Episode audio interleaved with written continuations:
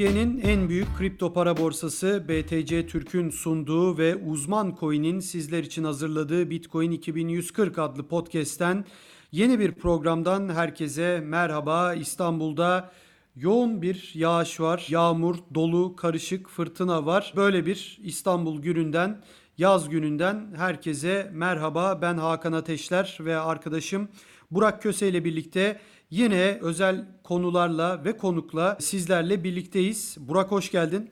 Hoş bulduk Hakan. Erhan Ünal bizlerle birlikte olacak. Teknik analist birazdan o da yayınımıza katılacak ve Bitcoin fiyatlarını konuşacağız. Gidişatı konuşacağız. Ee, ilginç haberler var. Biraz Burak'la taraftar tokenlarını konuşacağız. Galatasaray'ın ardından Fenerbahçe'de taraftar token projelerine dahil oluyor. Beşiktaş'ın daha sonra dahil olması öngörülüyor diyelim. Bu konuda bazı ipuçlarımız var. Hepsini konuşacağız ama Bitcoin fiyatıyla başlayalım Burak istersen. Yaklaşık 9600, 9500, 600, 700 gibi fiyatlar oynamaya başladı. Hafif bir yükseliş görüyoruz. Aslında Evet. geçen hafta da aynı konuyu konuşmuştuk. Yani 9 bin dolar ile 10 bin dolar arasında gidip geliyor. Geçen haftadan bu yana bir 10 bin dolar yapmadı. Hatta 9600-700 de yapmadı ama hep e, belirli bir aralık içinde takılıyor diyelim Bitcoin fiyatı. Geçen haftaki söylediklerine yeni bir eklemek istediğin bir durum var mı? Senin yorumun nedir? Geçen hafta Bitcoin fiyatı biraz aslında hareketsizdi biz konuşurken ve belirsiz diyorduk. Biraz bu belirsizlik yukarı yönlü olarak netlik kazanmaya başladı gibi görünüyor. Çünkü e, Bitcoin fiyatındaki son hareket birkaç gün önce dündü yanılmıyorsam PayPal'ın e, kripto para alım satım hizmeti sunmaya başlayacağı, bununla ilgili planları olduğuna dair haberler ortaya çıktı. Evet. Ve bu haberler de gerçekten ciddi kaynaklara dayandırılıyor ve PayPal'ın zaten şu anda bir kripto para mühendisi arayışında olduğu o şekilde ilanlar çıktılar PayPal. Yani bu, bu tabii çok ciddi bir gelişme. Yani buradan 2020'nin iyi başlamıştı 2020. iyi gidiyordu ve şimdi daha da iyi gittiğini bence söyleyebiliriz. Ee, PayPal'ın bugün 325 milyonun üzerinde kullanıcısı var. Yani şu anda biz kripto para, para piyasasından bahsederken ne diyoruz kullanıcı sayısı ile ilgili olarak? 30 milyon, 40 milyon gibi rakamlardan bahsediyoruz. Doğru. Yani bu kripto para alım satımının 325 milyon kullanıcıya birden açılması kripto paraların kullanıcı tabanının geniş, genişlemesi yolunda gerçekten çok önemli bir adım olacaktır. E, Bunun önümüzdeki 3 ay içinde PayPal'ın bu hizmeti sunmaya başlayabileceği söyleniyor. Eğer bu gerçekleşirse hem orta vade hem uzun vade Bitcoin başta olmak üzere kripto paralar için e, olumlu olacaktır. Yani PayPal'ın senin dediğin gibi 325 milyona varan e, müşteri kitlesinin sadece %10'u bu anlamda sektöre girerse, kripto para sektörüne, yatırımına girerse düşünebiliyor musun? Yani 325 milyonun %10'u zaten 30 milyon ve biraz üstü 32,5 milyon. E, yani şu andaki kripto para kalabalığının iki katı olacak. Yani Tabii. %100 bir artış olacak. Sadece %10'u girerse hani %10'u girmesin, %5'i girsin, %2'si girsin. Yani bunların hepsi çok cid- ciddi gelişmeler diye ben düşünüyorum. Tabii hem bu var hem biz şu an mesela PayPal'ın sadece kripto para alım satım hizmeti sunacak olmasından bahsediyoruz ki bence bu hizmetler daha ilerleyen vadelerde çok çeşitlenecek. Yani PayPal biliyorsun bugün e, dünyada en yaygın olarak kullanılan ödeme yöntemlerinden biri. E, yarın öbür gün bugün kripto para alım satımı hizmeti sunan PayPal sonraki gün kripto parayla kolay ödeme imkanı sunabilir yani bu, bu bunu yaparsa bu da çok bambaşka bir kilometre taşı olur kripto paralar için. Doğru, doğru. Yani şimdi tabii PayPal'la belki aynı nasıl diyelim yönde ilerlemese de mesela bu taraftar tokenları olayı var. O da başka bir kitleyi getirebilir kripto Evet. para dünyasına. Yani böyle bir durum da var. Taraftar tokenları e, bu da e, kripto paraların kullanıcı tabanının genişlemesi açısından gerçekten çok önemli. Zaten Türkiye'de en son işte Galatasaray'ın kendi taraftar token'ı çıktı. E, Galatasaray'ın bugün taraftar sayısını düşündüğümüzde e, 10 milyonlarca insandan söz ediyoruz. Tabii tabii.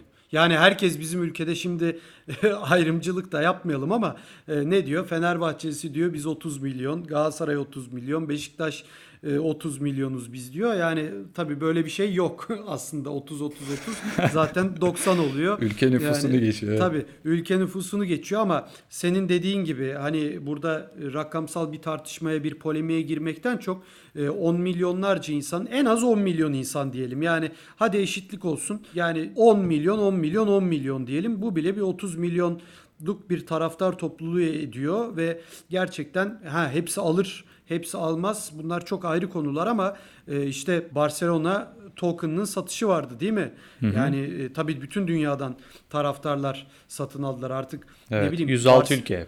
Tabii yani Barcelona, Liverpool e, gibi özellikle hani bu konudaki e, en kalabalık taraftar topluluklarından bahsediyorum. Dünyaya artık yayılmış. E, Real Madrid, Milan, Juventus yani bunların sadece İtalya'da ve yani İtalya demeyeyim de kendi ülkelerinde taraftar toplulukları yok.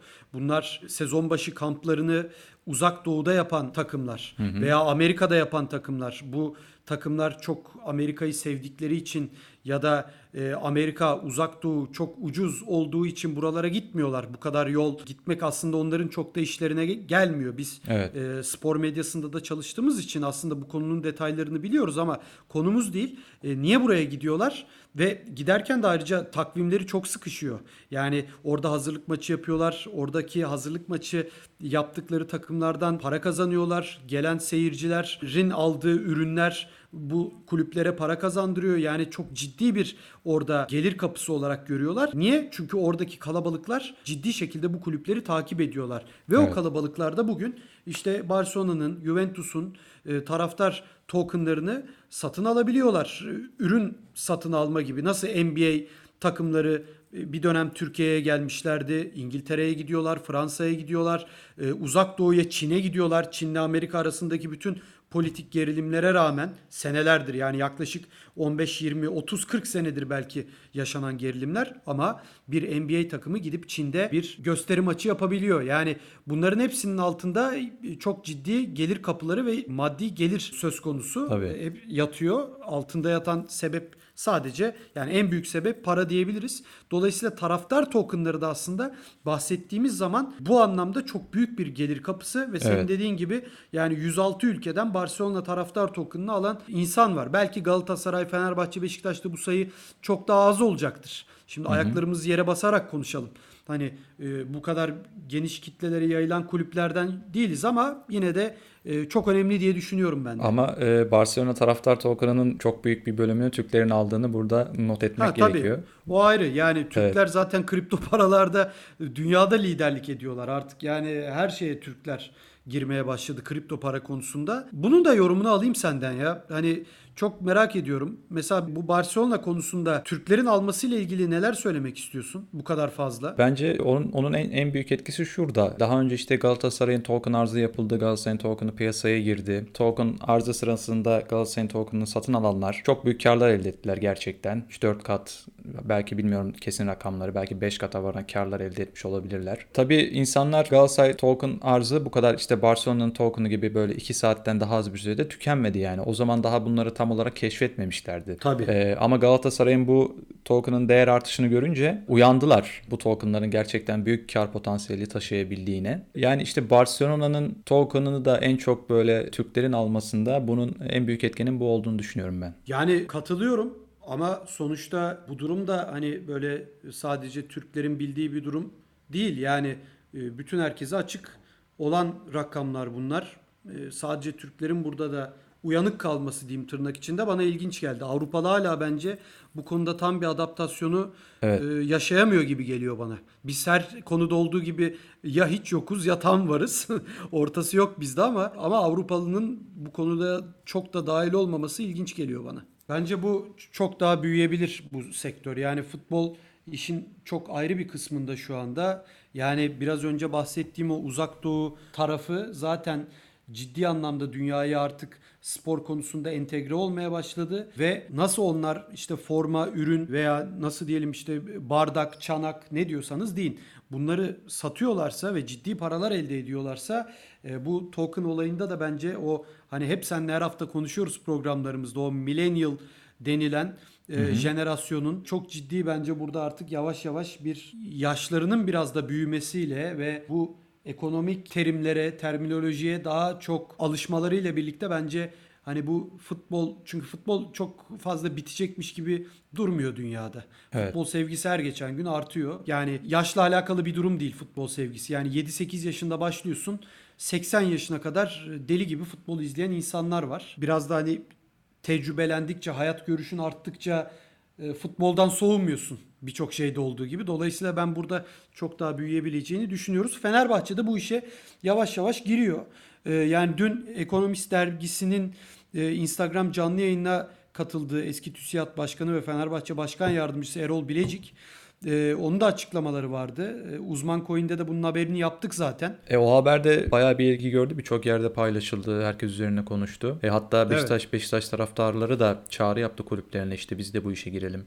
E, biz de kendi taraftar token'ımızı çıkaralım.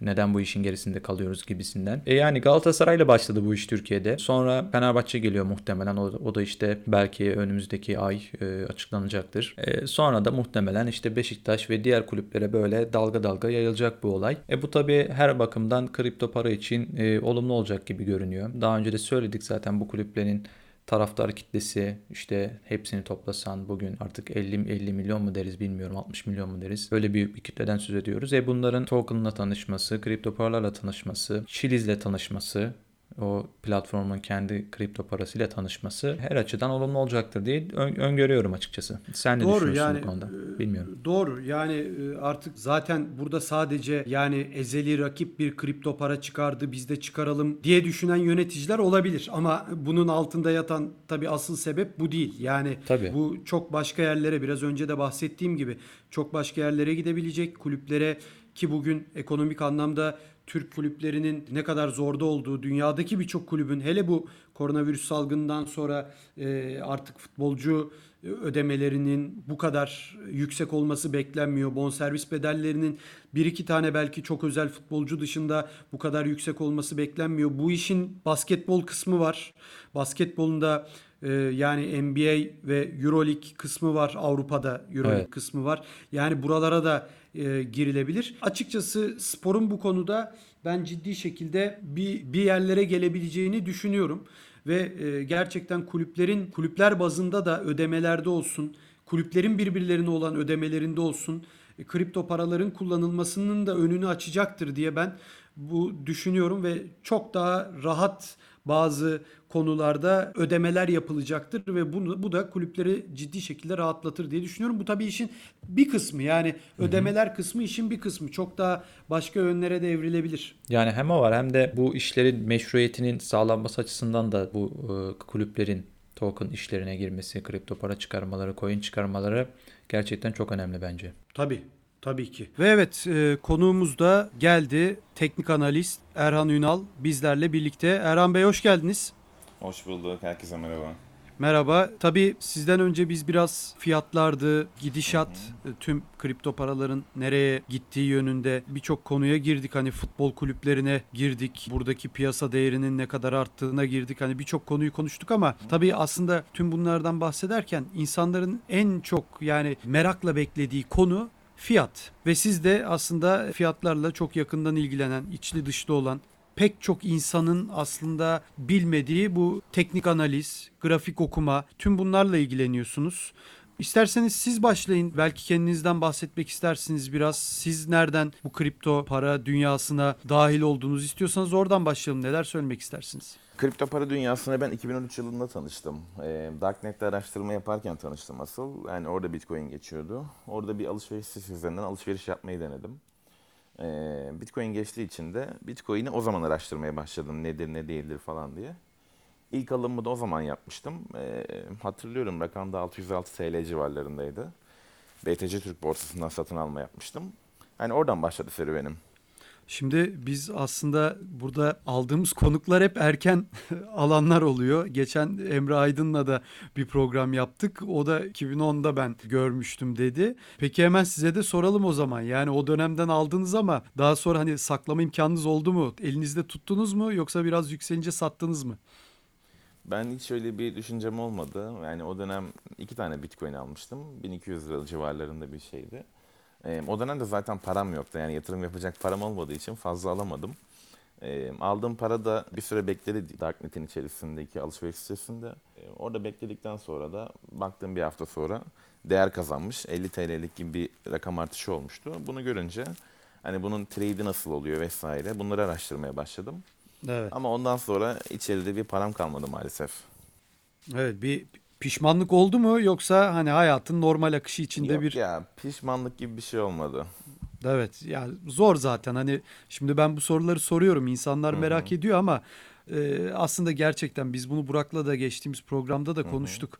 Yani 2010'da 11, 12, 13'te aldığınız zaman hani 2017'ye kadar o 20 bin dolarlık seviyeye kadar veya bugünlere kadar bekletmek de kolay bir şey değil. Hele bir Kesinlikle öyle, tradersanız yani e, bir belki %50 iki katı, üç katı olduğu zaman zaten çoğu insan satıyor. Bir de dediğiniz gibi kimsenin de aslında buralara gelmesini beklediği bir varlık değildi. Kesinlikle öyle. Peki şuradan başlayalım. Ee, Siz Bitcoin'i nasıl görüyorsunuz? Yani bir trade edilebilecek nasıl diyeyim altın, gümüş, dolar, euro gibi bir varlık mı? Yoksa sizin için birçoklarında olduğu gibi şu anda e, değişik bir anlamı var mı? Yani geleceğin parası olur, dijital altın olur veya dünyaya iyilik getirecek başka bir varlık. Hani birçok tanım yapılıyor çünkü Bitcoin ile ilgili. Ben Bitcoin öyle herhangi bir şekilde yani geleceğin para birimi vesaire olarak görmüyorum. Ben sadece yani kazandığım paraya bakıyorum burada. Hani benim için sadece onu teşkil ediyor. Onun dışında dünyayı değiştirecekmiş vesaire. Hani bu tarafında değilim ben konunun. Ben sadece para odaklı bakıyorum. Yani yükselirse satarım, düşerse Aynen öyle. alırım olarak bakıyorsunuz. Tabii o zaman fiyattan konuşalım. Bir süredir belki Burak bu konuda daha iyi detaylar verebilecektir ama hani yaklaşık bir aydır, iki aydır ha- halvingden sonra özellikle e, yani 9 bin 10 bin arası gidip geliyor. Hatta son 2-3 haftada 9300 9600 gibi çok sıkışık yerlerde gidip geliyor. 10 bin doları bir türlü kıramıyor. Sizin konuda kısa ya da uzun vadede fiyat beklentiniz nedir? Ya benim uzun vade fiyat beklentim ben zaten Bitcoin'i 5000 dolara düştüğüm zaman bir uzun vadeli hedef verdim oraya 20 bin dolar olduğuna dair. Yani şimdi ilk başta fiyatlar e, korona sebebiyle bütün dünya piyasalarında olduğu gibi burada da düştü. Aslında buradaki düşmesinin sebebi de biraz daha kurumsal yatırımcının piyasada olduğunu gösteriyor. Çünkü Amerikan endekslerine gelen satış direkt aynı şekilde buraya da yansıdı. Korelasyonun S&P ile falan olanına bakabilirsiniz yani çok net belirgin oluyor. Hani bundan sonraki süreçte önümüzdeki hedefim benim 20 bin dolar. Bunu yıl sonuna kadar veya birkaç ay sonrası yani 2021 Şubat'ına kadar ulaşacağımızı düşünüyorum ben bu fiyatlara. Peki bir teknik analiz ol, analist olduğunuz için hemen sorayım. Bu konuda 100 bin dolar, 400 bin dolar hatta 1 milyon dolar gibi çok ciddi fiyatlar da var. Bu konudan hani teknik analizden çok insanlar hani bu e, varlığın Bitcoin'in nereye geleceğine yönelik dünyadaki yaşanan resesyonlarla ekonomik krizlerle artık insanların çaresiz bir biçimde Bitcoin alacağını söylediği için bu rakamlara çıkacağını belirtiyorlar ama teknik analiz kısmında işin bu rakamlar görünüyor mu sizce? Teknik analizde öyle bir şey görmek çok zor. Yani 20 bin dolardan sonra önünüzde herhangi bir grafik yok. Yani tamamen bir boşluk orada ilerliyor. Evet. Yani tahmin eden nereden döner, nereye kadar gider bunu e, öngörmek çok zor. Ama 20 bin dolar olan kısma kadar görülebilir. Ondan sonrası için birkaç tane emare kalıyor. Onu da tahmin etmek çok zor şu anda. Çok zor diyorsunuz. Burak senin bir sorun var mı? Benim sorum sen bir kere bana şey sormuştun. İstersen tam bunun muhatabı Erhan Ünal sanırım. Teknik analiz çalışıyor mu çalışmıyor mu gibi bir soru sormuştun daha önce. İstiyorsan o soruyu bir yönelt bir de kendisinden cevap alalım. Ne dersin? Yani teknik analiz çalışıyor mu çalışmıyor mu diye hep soruyorum aslında da hani Bitcoin çok değişik bir varlık olduğu için yani tam hangi detayla sormuştum ben onu tam hatırlayamadım. Bitcoin konusunda mı genel manada mı? Bitcoin konusunda evet. Yani çok tartışılan bir konu çünkü. Benim hep merak ettiğim bir şeydir bu. Sayın Erhan Ünal'a da soralım. Şimdi öyle bir konu ki bu. Bunun halvingi var. İşte bir anda bir koronavirüs çıktı mesela. Şubat ayında 10 bin dolar olan Bitcoin Mart ayında 3500-4000 dolarlara kadar düştü. Yani bu teknik analizin içinde midir bu gelişmeler? Şimdi teknik analizde şöyle yani kademe kademe olarak düşünürsünüz genelde düşüşleri. Ee, çok da sert gelebilir tabii. Yani aslında bunu temelle de birleştirmek gerekiyor. Sadece teknik analizde de görülecek bir şey değil yani bu. Şimdi koronavirüsün o dönemde çıktı tamam ilk başta etkisi çok hissedilmedi ama sonra bir anda hissedilmeye başladı. Evet. Hani bu temel tarafı oluyor. Teknik de buna uyması gerekiyor aslında. Yani teknik analiz aslında çalışıyor. Nasıl çalışıyor? Şöyle çalışıyor. Onu da örnek vereyim. Yani mesela chart'ın üzerine RSI'yi açın. RSI'nin uyuşmazlık yaptığı noktalara bakın tepede ve aşağıda. Bu teknik analizin çalıştığı anlamına gelir. Yani daha büyük hareketlerde ama tabii daha farklı argümanları da kullanmak gerekir. Şimdi tabii aslında yani son söylediğinizden yola çıkarak hani e, birçok konuda nasıl diyeyim şimdi çok da teknik analiz bilmediğim için şunu sormak istiyorum. Yani tamam bir yere kadar fırladığı zaman ne bileyim 5 bin dolardan 20 bin dolara gittiği zaman herhalde bir düşüş beklentisi olur. Değil mi? Evet. Bir düzeltme deniyor, başka kelimeler söyleniyor ama hani uzun vadede bu kadar çok içinde hayatla ilgili neyin ne olacağının belli olmadığı konularda da teknik analize güvenebiliyor musunuz? Yani Bitcoin'i siz trade ederken teknik analize %100 güvenebiliyor musunuz? Açıkça sorayım. Yok ben onu yüzde oradan. yüz güvenmiyorum. Ben yüzde yüz Anladım. kesinlikle güvenmiyorum. Market psikolojisi diye bir şey var. Hatta bunu değerlendiren şeyler Evet. var, internet siteleri var. Bunlar çok etkilidir mesela. Bunlara bakın. Piyasada FOMO varsa o piyasa muhakkak yakın bir süre içerisinde geri dönüyor. Mesela 3000'den 14000'e çıktı. Bir tane site vardı. Şimdi ismini vermeyeyim de. Orada mesela sıfırdan 100'e kadar bir bar var. Bu bar 14.000 civarlarını %95'e kadar vurmuştu. Oradan doğru tık geriye düştü. Yani 14.000'den piyasa dönüşü oldu. Aynı şekilde 20 bin dolarda da bu şekildeydi bu. Hani insanların yani çoğunluk ne taraftaysa tam tersini yapıyor pi- piyasa her zaman. Hmm, evet. Şimdi de aslında bu 10 bin dolarda hala insanlarda bir korku ve satış şeyi var, baskısı var. Hani insanlar risk almak istemiyor çünkü 2017 boğasının sonundan beri sürekli düşen ve yatay piyasada. Yani düşüyor kalkıyor o şekilde gidiyor. Yani insanlar boğa sezonunu da unuttuğu için şu anda insanların elindekini topluyorlar. Yani ben şu anda bunu bu şekilde değerlendiriyorum. Markette hala korku var. 10 bin doları aşması için de gereken bütün şartların oluştuğunu düşünüyorum şu anda. Yani psikoloji çok önemli bu tarafta. Evet doğru. Mesela 10 bin doları aşması için e, çoğu şartın oluştuğunu düşünüyorum dediniz.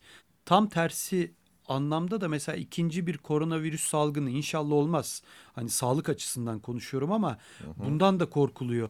Mesela e, siz teknik anlamda böyle bir yükseliş öngörürken bir anda böyle bir ikinci dalga olursa e, virüste mesela tam tersi yöne de gidebilir. Değil mi? Bir tane ünlü bir borsacı vardı. Ee, ikinci dalga beklentisiyle hatta elindeki bütün varlıklarını sattığını, nakitte beklediğini söyledi. Hmm. Yani aslında ben şu anda bunu şu şekilde değerlendiriyorum. İkinci dalga olmayacak. Yani olsa bile şu anda bütün piyasalar her şeyi tekrardan normale döndürmeye çalışıyorlar. Ülkelerin ekonomileri kaldırmayacak noktaya geldi artık. Yani Evet. ikinci dalga beklentisi adı altında bütün dünya piyasalarını toplamak şu anda en uygun şey, bahanedir bence. Ben bunu bu şekilde değerlendiriyorum Anladım. şu anda. Tabii doğru. Yani e, bir de işin o boyutu var. Ee, artık Tabii, hani aynen. manipülasyon diyebilirsiniz.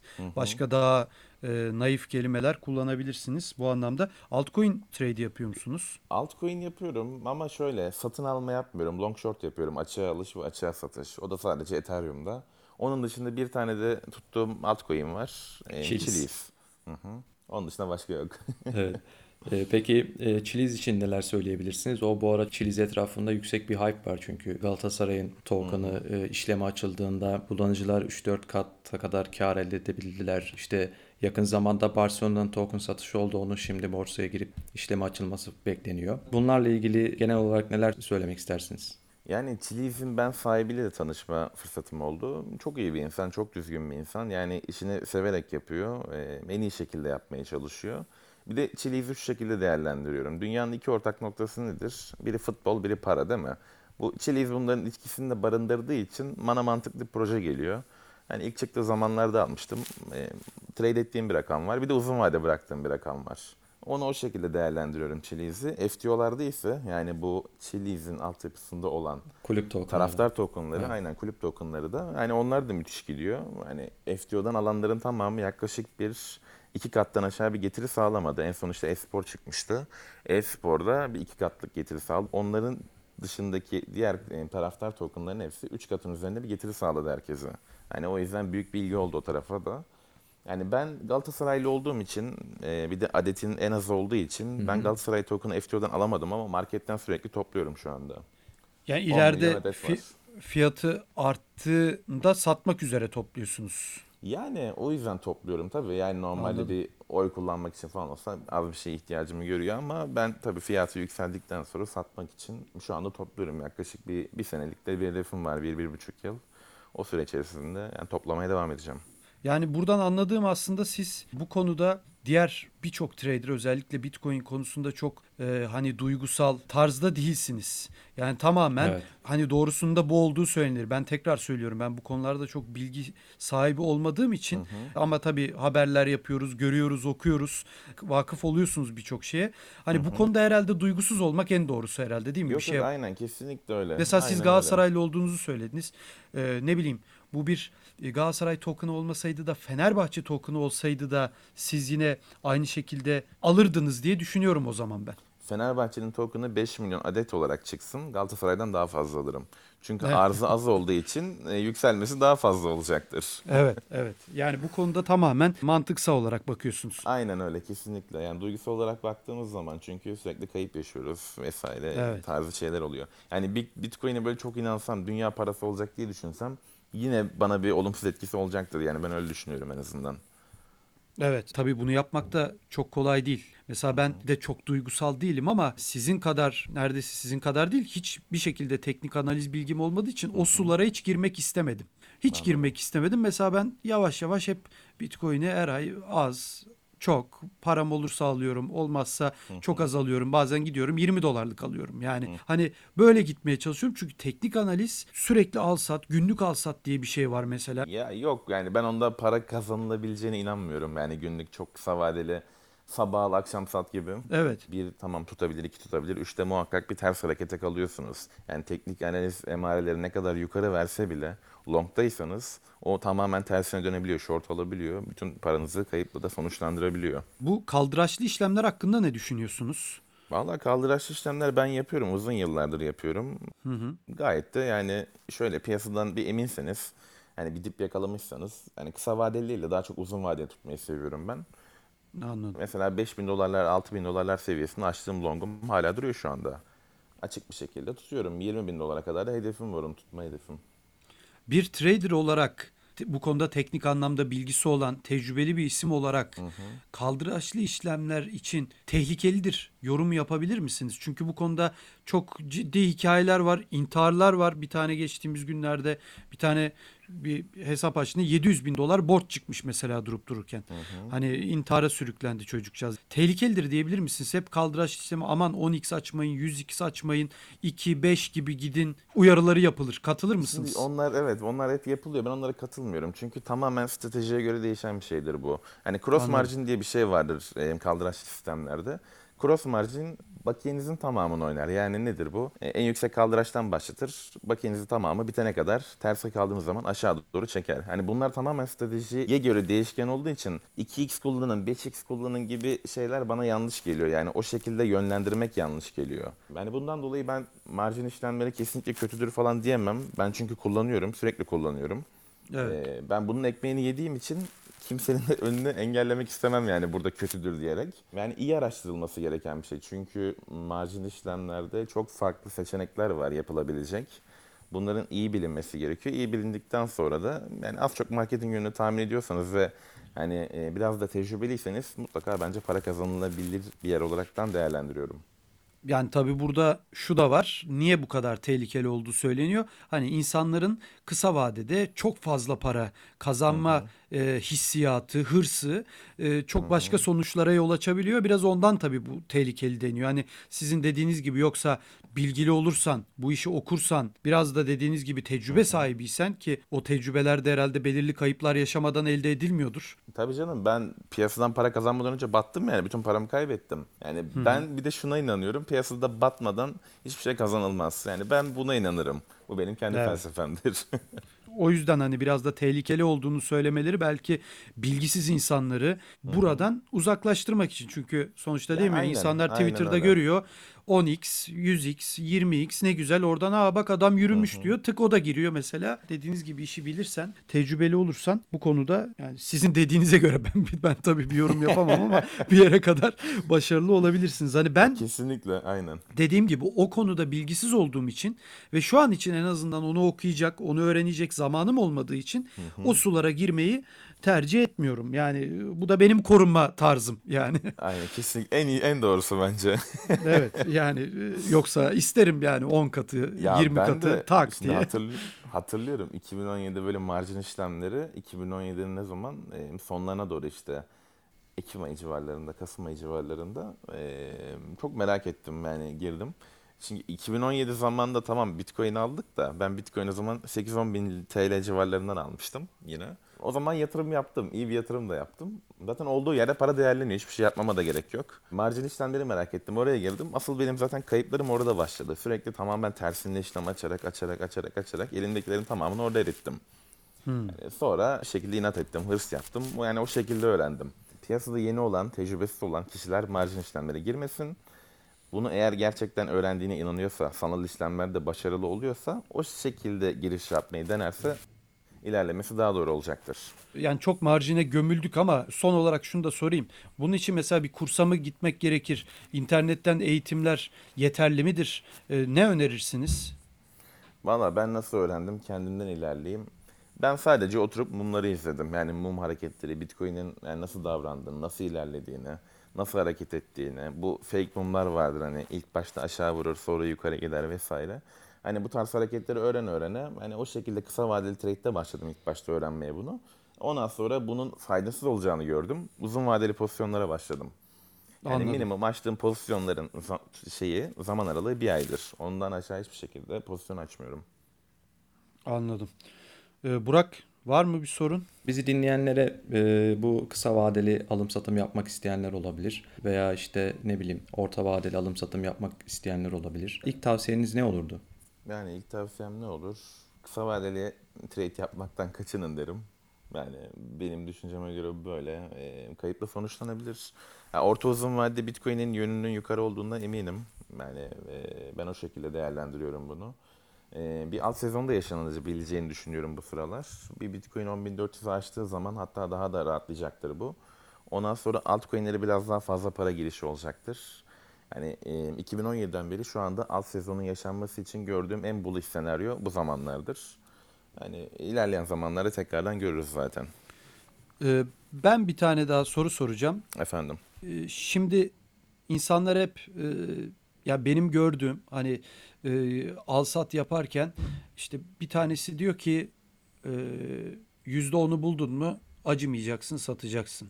Biri diyor ki yüzde ondan hiçbir şey olmaz yüzde elli yüzde yüz hani e, hiç duygusuz şekilde alıp satacaksınız. Bunun e, size göre rakamı nedir? Yani en mantıklısı nedir? E, bir e, varlıktan diğerine değişir mi bu genelde? E, Yüzde on bulunca satmak iyi midir? Yoksa az mı dersiniz? Nedir bu konudaki düşünceniz? Ya bu tamamen stratejiye göre değişir. Yani burada marjinden de bir örnek vereceğim. Şimdi marjinde eğer kaldıraçlı bir pozisyondaysanız %10 büyüklüğünde bir işlemdeyseniz o %10 size çok daha büyük bir getiri sağlayabilir. Ama Anladım. %10 kişiye göre değişir. Göreceli bir şeydir bu. Tabii. Yani şimdi 100 TL yatıran bir kişi 110 TL olduğu zaman parayı beğenmez. 100 bin lira yatıran biri 110 bin lira olduğu zaman bu rakamı beğenir. Hani bu değişken bir şey olduğu için bu sorunun tam bir cevabı yok aslında. Evet doğru. Çünkü bunu sormamın sebebi de aslında hani kripto paralarda biraz da volatiliteler çok yüksek olduğu için kazançlar da bu anlamda arttığı için hani insanlar pek %10'ları %20'leri de çoğu zaman beğenmiyorlar. Hani hep 2017'den bu yana gelen konu nedir? İki katı, beş katı işte e, ICO'lar olsun, işte Binance'in değil mi o BNB kullanarak Evet, kurallarla dağıttığı alım satım şansları olsun. Hep burada 5 katı kazananlar, 10 katı kazananlar e, vardı. Bu yüzden hep kafamda soru işaretidir bu. Yani e, yüzde kaça göre satmak lazım ama dediğiniz gibi göreceli bir kavram tabii. Aynen öyle. Yani onu şu diyebileceğimiz bir şey değil o. Evet. Ya bana göre Yatır- %10 müthiş bir getiridir. Yani %10'a kim yani şöyle düşünün ya insanların da birazcık da şu şekilde düşünmesi gerekiyor bence. Şu anda bankaya TL mevduatına para koyduğunuz zaman size bunun yıllık getirisi nedir? Yüzde kaçtır? Hani bunu değerlendirin, orada aldığınız rakamı değerlendirin. Yani bu şekilde değerlendirmek gerekiyor Evet. aslında biraz da. Yani en e, yüksek getiri sağlayan varlık kripto paralardır. Yani götürü de sağlar, getiri de sağlar. Yani getiri olarak değerlendirdiğimiz zaman en fazlası da budur ama. Doğru. Tabii biz biraz da millet olarak tez canlı, heyecanlı, e, her şeyin çabuk olmasını istediğimiz için Kumarbaz bir ülkeyiz. Yani kısacası kısa doğru. özeti bunun. Doğru yani onu seviyoruz. Bir de bu tür konularda işte bu yüzde onu yüzde yirmi e, rakamlarını vermemin ve size sormamın sebebi çoğu insan özellikle kripto parada bu yani hayat kurtarmak istiyor. Yani bir anda hayatını kurtarmak istiyor. İşte marjinde de onu konuştuk. Şimdi görüyor adam sosyal medyada 100 katı. 20 katı, 50 katı ben de kazanabilirim diyor, yatırıyor. Yani oradan o hikayeler çıkıyor. Hani kazançtan çok hayatı kurtarmak adına bir amaç olduğu için, hedef olduğu için burada diğer rakamlar çok da beğenilmiyor tabii. E, tabii aynen öyle ama bizde yani yatırım yapanların da yaklaşık %80'i 90'ı para kaybediyorlar yani ben bunu görüyorum. Evet, tabii. Yani o kadar böyle şa- e, şatafatlı fotoğraflar, karlar vesaire bunlara ben çok da inanmıyorum. Paylaşımlar yapılıyor bazı hesaplardan falan da yani çok da inandırıcı gelmiyor açıkçası. Evet orada da yani bu biz futbolda da çok görürüz iddia oynayanlar özellikle sosyal medyada hani e, Photoshop'la değiştirilen kuponlar e, birçok konu hani aynı mantık aslında değişik yöntemler ama belki e, kripto parada da vardır aynı mantık var. E, dikkatli olmak gerekir onu da Evet, onun uyarısında yapalım. Çok teşekkür ediyoruz yayınımıza Ben katıldığınız teşekkür için. ederim. Sağ olun. Görüşmek dileğiyle. Hoşçakalın. Görüşmek üzere.